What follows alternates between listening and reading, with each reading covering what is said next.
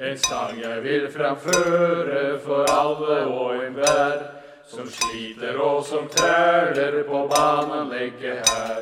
Jeg er slett ingen dikter, men dog jeg prøver vil fortelle litt om banen og hvordan det går til. 31.12.1988 ble Valdresbanen lagt ned. Dette markerte slutten på 82 år med jernbane i Valdres. 108 km med jernbane ble fjernet fra det norske jernbanenettet. Historien om Valdresbanen var dermed over. Trener du rulleski eller sykler på strekningen mellom Aurdal og Fagernes i dag, ser du få spor av jernbanen. Den flate gang- og sykkelveien er traseen som jernbanen lå på. Navn som Tunneltoppen mellom Fagernes og Leira, Stasjonsvegen i Fagernes og et rødt lokomotiv på Fagernes er i dag sporene av jernbanen. Vår historie begynner lenge før denne dagen. I et Norge som ligner svært lite på dagens Norge. Hvor det nye teknologiske vidunderet jernbanen tok landet med storm, og alle deler av landet ville være med på den rivende utviklingen. Norges første jernbane gikk mellom Eidsvoll og Oslo. Den ble åpnet i 1854. Etter dette ble jernbanenettet utvidet over hele landet. Det ble bygget jernbane mellom Kristiansand og Setesdal, mellom Bergen og Voss og alle veier ut fra Oslo. Jernbanen mellom Oslo og Trondheim via Røros ble åpnet i 1877. Jernbanen med sine damptog var en revolusjon for frakt av både mennesker og gods. Der man før hadde enkle grusveier med hest og kjerre, hadde man nå jernhester som kunne trekke titalls tonn med gods og flere hundretalls passasjerer i svimlende hastigheter på opptil 50 km i timen. Valdreskommunene skjønte, som andre dalfører, at jernbane var noe man måtte bygge for å bli med i utviklingen. Jernbaneutbyggingen på slutten av 1800-tallet i Norge var preget av mangel på en nasjonal plan for utbygging. Noen plasser, slik som til Orkanger i Trøndelag, så bygde private bedrifter jernbane for å frakte sine varer til nærmeste havn. Kommuner og fylker skrapte sammen penger sammen med det lokale næringslivet, og håpet at staten skulle støtte byggingen av jernbanen til akkurat deres område. De første planene om en jernbane til Valdres dukket opp i 1870. Man diskuterte fire forskjellige traseer for jernbanen til Valdres. I denne perioden håpet man at den nye jernbanen, som ble planlagt mellom Bergen og Oslo, skulle gå gjennom Valdres. Nabodalføret Hallingdal og Numedalen kjempet også for å få Bergensbanen gjennom sitt dalføre. Etter at Hallingdal ble valgt som trasé for Bergensbanen, så måtte Valdres kommune finansiere byggingen av jernbanen selv. Det var flere mulige traseer å bygge jernbanen via. Målet var å få kontakt med Oslo. Den mest opplagte med dagens øyne er via Begnadalen til Hønefoss, der E16 går i dag. Utfordringen med å bygge jernbanen her var at det bodde relativt få folk langs Begnadalen, og siden man trengte å samle inn penger til å bygge en privatbane, så måtte jernbanen gå en annen plass. I 1904 åpnet Gjøvikbanen mellom Oslo og Gjøvik. Hvis man samarbeidet med landkommunene, så kunne Valdres få en jernbane som koblet seg på Gjøvikbanen ved Eina, og dermed få jernbane helt til Oslo. Byggingen av Valdresbanen begynte i året 1900, og banen gikk fra Eina, et stykke sør for Gjøvik, via landkommunene, over Tonsåsen til endestasjonen på Fagernes. Banen hadde på det meste flere hundre mann i arbeid med byggingen, og 29.9.1906 så åpnet jernbanen helt fram til endestasjonen på Fagernes. Valdresbanen ble bygd med det som ble kalt normalspor. Det betyr at avstanden mellom jernbanesvillene var 1435 millimeter. Etter hvert skulle dette bli normalen på jernbanenettet i hele landet, selv om smalspor var billigere.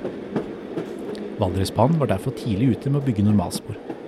Banen ble allikevel bygd med mange svinger for å spare penger, og dette førte til en lavere fart for togene. Etter at banen ble åpnet av kong Haakon, var nå Valdres og Land kommune koblet til det nasjonale jernbanenettet. Valdresbanen var 180 km fra Eina på Gjøvikbanen helt fram til Fagernes. Det ble bygd hele 15 stasjoner på Valdresbanen. Dette kan virke mye i dag, men man må huske på at jernbanen var i praksis det eneste transportmiddelet annet enn hest og kjerre på den tiden. Jernbanen ble bygd for å knytte bygder og byer sammen, og derfor måtte man ha stasjoner der det bodde folk. Tettstedene Dokka og Fagernes kan takke Valdresbanen for at i dag hele tatt er regionale sentre. Der Fagernes ligger i dag, lå det i 1906 mye skog og et hotell og noen få butikker. Takket være jernbanen ble Fagernes det nye regionale senteret for Valdres som det er i dag. Til sammenligning så begynte hovedstaden i Kenya, Nairobi, sin historie som et depot i ørkenen for jernbanen som britene bygde gjennom Kenya. I dag har Nairobi fire millioner innbyggere. Valdresbanen var en privateid jernbane med startkapital fra Valdres og Land kommune, og måtte derfor gå med overskudd for å overleve. Med en reisetid på ca. åtte timer de første årene, og bare få år etter åpningen kunne man ta toget mellom Fagernes og Oslo på bare 6,5 timer, gikk Valdresbanen med overskudd de første årene. Valdresbanen forandret derfor livet til innbyggerne og bedriftene i Valdres for alltid. Plutselig hadde man muligheten til å reise inn eller ut av Valdres raskt og rimelig, og bedrifter kunne frakte varer inn og ut av dalføret mye billigere og raskere enn det de kunne drømme om. De 80-90 ansatte som jobbet på jernbanen, påvirket også dalføret. Lokalet fikk en ny arbeidsplass med ofte gode arbeidsvilkår og god lønn. Et nytt fenomen kom også til Valdres med jernbanen. På stasjonen hang det store klokker som viste tiden. Før folk hadde råd til å kjøpe lommeur, så var det vanlig å gå ned på stasjonen for å sjekke hva klokka var. 1920-tallet var gullalderen for jernbanen i Norge. Jernbanenettet i Norge hadde aldri vært så langt før. I Valdres hadde vi med jernbanefeber, og det ble planlagt utreda og vedtaket forlengelse av jernbanen helt ifra Fagernes til Vangsmjøsa i Vang. Vi yngste med å bygge en jødenbane ifra Gol, via Fagernes, gjennom Øystre Slidre og over fjellet til Gudbrandsdalen, for så å koble seg på Dovrebanen der. Det er lett å tenke i dag at dette var luftige planer uten innhold, men disse planene var godt utreda og visste hva slags tru en hadde på at Jødenbanen skulle knytte landet enda tettere sammen. Det ble ikke noe av disse planene. Valdresbanen gikk mange år godt som privatbane, bl.a. takket være turisttrafikken. Men på 1930-tallet slet man med lavere passasjerantall og fallende godstrafikk. Deler av banen begynte også å måtte oppgraderes, og dette manglet man penger til. Derfor ønsket man at staten, ved NSB, skulle ta over eierskapet og driften av Valdresbanen. I 1937 overtok NSB Valdresbanen. Etter at NSB tok over driften, økte passasjerantallet, spesielt i påsken, da turister fra Oslo kom til Valdres i stort antall. Under den tyske invasjonen av Norge i 1940 ble det utkjempet harde kamper i Valdres. Kampene i Valdres var dramatiske for dalføret de ukene de pågikk i april og mai. Jernbanen ble brukt til å frakte soldater og ammunisjon, og flere av stasjonene ble bombet av tyske bombefly. Selv om trafikken ble gjenopptatt under krigen, var det store begrensninger, spesielt pga. rasjoneringen.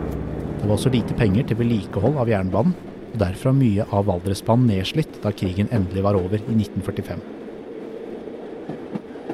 Til tross for dette tok faktisk passasjertrafikken seg opp igjen etter krigen, og igjen var det påsketuristene som sto for mye av veksten. I 1950 ble Høgebergetunnelen i åssiden opp mot Tonsåsen åpnet, og dette erstattet en rasutsatt strekning. Nye skinner ble også lagt fra Eina til Dokka. På 1950-tallet begynte man også kjøring med motorvogner, små vogner som er koblet sammen og går på diesel, som førte til reisetider på rundt 4,5 timer mellom Fagernes og Oslo. Når Valdresbanen feiret 50-årsjubileum i 1956, var det med en rekord i påsketrafikken med ni fullstappede tog.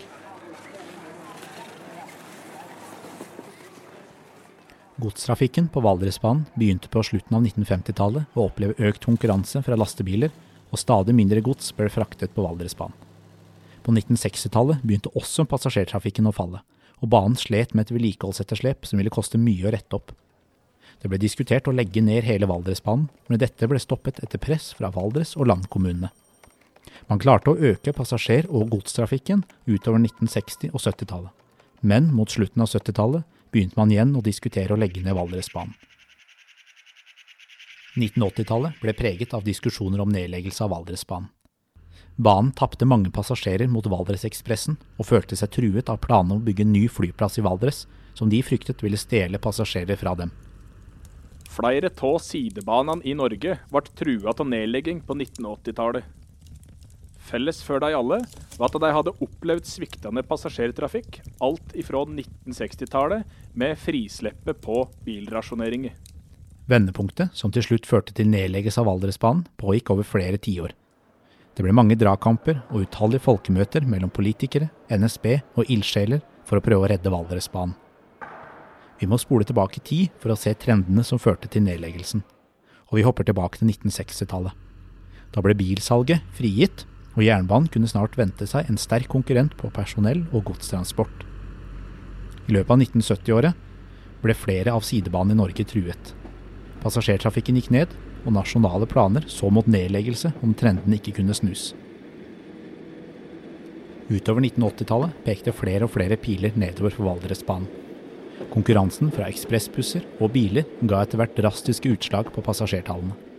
Bussruta til den nye Valdresekspressen ble sterk. Langdistansebusser hadde fått konsesjon fra staten for å kjøre på tvers av fylkesgrenser. Valdresbanen tapte penger, og kjørte med stadig flere og flere ledige seter. Fagernes hadde nå også fått sin egen flyplass på Leirin. Dette parkerte togets reisetid til Oslo. Reisetiden for passasjertoget i 1988 var den samme som i 1953. Slik kan vi kanskje forstå at en trang, varm buss eller en firkantet Volvo personbil vant over toget. Raskere og lettere togsett, hvor hun kunne få reisetiden Fagernes-Oslo ned mot tre timer og et kvarter, ble testet ut. Disse ble senere prioritert inn på Rørosbanen. Spekulasjoner og konspirasjoner om NSB sin stille nedleggelse av banen fikk ved til bålet. Fraværende oppgradering og mangel på nye og moderne tog foreldret Valdresbanen. Noen få år senere, i 1988, kastet styret i NSB inn håndkleet og la ned passasjerdriften på Valdresbanen. Mange ventet spent på om Stortinget i sin behandling av jernbanemeldingen året etter kunne kontre NSBs beslutning. Slik gikk det ikke. Samferdselskomiteen hadde tatt sidebanen ut og behandlet dette i ekspressfart på Stortinget. Nedleggelsen var et faktum, nå med et vedtak i Stortinget. Det ble laga en slags revy kalla Leve Valdresbanen. Dette fungerer som ei folkeopplysning om banen og betydningen av den. Venneforeninga som lobbyerte mot politikerne, ble med oppretta. Det ble solgt såkalt svillebrev for å skaffe annonseinntekter, og slik skapte de blest og skaffa banen flere kunder til frakt av gods. Nedleggelse lot seg ikke snu. På den 108 km lange togstrekningen sto det folk med flagg og fakler for å hedre banens siste, og nå ironisk stappfulle passasjertog på rute nyttårsaften 1988. Siste passasjertog var nå gått. 82 år med passasjerdrift på Valdresbanen var over. Men jernbanedriften var ikke helt over. Godstrafikken fortsatte med tømmer og skifer. Dokka var faktisk på et tidspunkt Norges største tømmerterminal. Men viljen for å holde Valdresbanen ved like sank i takt med passasjerstoppet. Jernbanen ble bokstavelig talt revet vekk, bit for bit. På 90-tallet var stamvei gjennom Valdres i fokus, noe som overskygget jernbanen. Den gamle jernbanetraseen ville fungere godt som ny vei. Skinnegangen ble først fjernet mellom Fagernes og Leira, og senere mellom Leira og Bjørgo. Det siste godstoget på Valdresbanen gikk i 1999 på strekningen Eina–Dokka. Denne strekningen er der fortsatt, men kan ikke brukes av tog grunnet dens tekniske tilstand. Slik er faktisk deles av Valdresbanen mellom Eina og Dokka fortsatt en del av det nasjonale jernbanenettet, men bare ikke i bruk. Spoler vi frem til i dag, er sporene etter Valdresbanen variert. Noen steder finnes både stasjonsbygninger, krakker og jernbanesviller. Andre steder er alt byttet ut med gang- og sykkelvei, eller blitt slukt av busk og kratt. Det eneste som ligner jernbanedrift på Valdresbanen i dag, er dresinene man kan leie på Dokka eller Hov. Foreningene har ikke lagt ballen om togeventyret i land og Valdres helt død. Annet gjennom arbeidet på 2000-tallet med å etablere en nasjonal turistbane på strekningen Hønefoss–Gjøvik–Leira. AS Valdresbanen fikk godkjennelse av Jernbaneverket til å kjøre turisttog på Valdresbanen. Dette ble ikke en langvarig kampanje pga. oppstartsproblemer, avsporing, motorhavari og noe labert oppmøte fra passasjerene. Foruten turister har det også vært jobbet med å få gods tilbake på Valdresbanen. Oppdraget ble gitt til et konsulentselskap for å dokumentere hva en eventuell gjenåpning ville omfatte, og ikke minst koste. Gjenåpningen av Valdresbanen var anslått til å koste rundt 300 millioner kroner. For denne sum kunne rundt 60 000 kubikkmeter tømmer fraktes med jernhest ut av dalen. Ideen spant ut når den mye brukte papirfabrikken på Follum ved Roa ble lagt ned. Tømmeret måtte nå transporteres lenger, og man ønsket at dette tømmeret skulle fraktes på jernbanen. Jernbaneverket utredet også mulighet for tømmertransport på gamle Valdresbanen, etter modell fra Numedalsbanen, som også ble lagt ned i 1988. Senere ble Numedalsbanen oppgradert for tømmertransport på deler av banen. På Valdresbanen så man på muligheten for en ny terminal på Dokka og på Eina, men ingen av disse planene er foreløpig igangsatt. Kjører du mellom Bang og Bruflat over Leirskogen, krysser du jernbanesporene som knyttet Valdres til resten av Norge. Står du i dag på Dokka stasjon, har du mulighet til å oppleve noe av gamle Valdresbanen på dresin. De fysiske sporene av Valdresbanen begynner å forsvinne fra dalføret, og blir erstattet av sykkelveier og gjengrodde sviller. Men påvirkningen Valdresbanen hadde for utviklingen av dalføret i de 88 årene som banen var i drift, forandret Valdres for alltid. Davids kamp mot Goliat er kanskje beskrivende for den lokale kampen for å få tilbake driften på Valdresbanen. 180 km med jernbane ble fjernet fra det norske jernbanenettet. Historien om Valdresbanen er kanskje over. For denne omgang. Ja, nu har de fått vite hvordan det her går til. Etter at jøda kamerater jeg eder byde vil. Vi herfra nu må reise, vi ikke her kan bli. For hele tredje avdeling blir som et slaveri.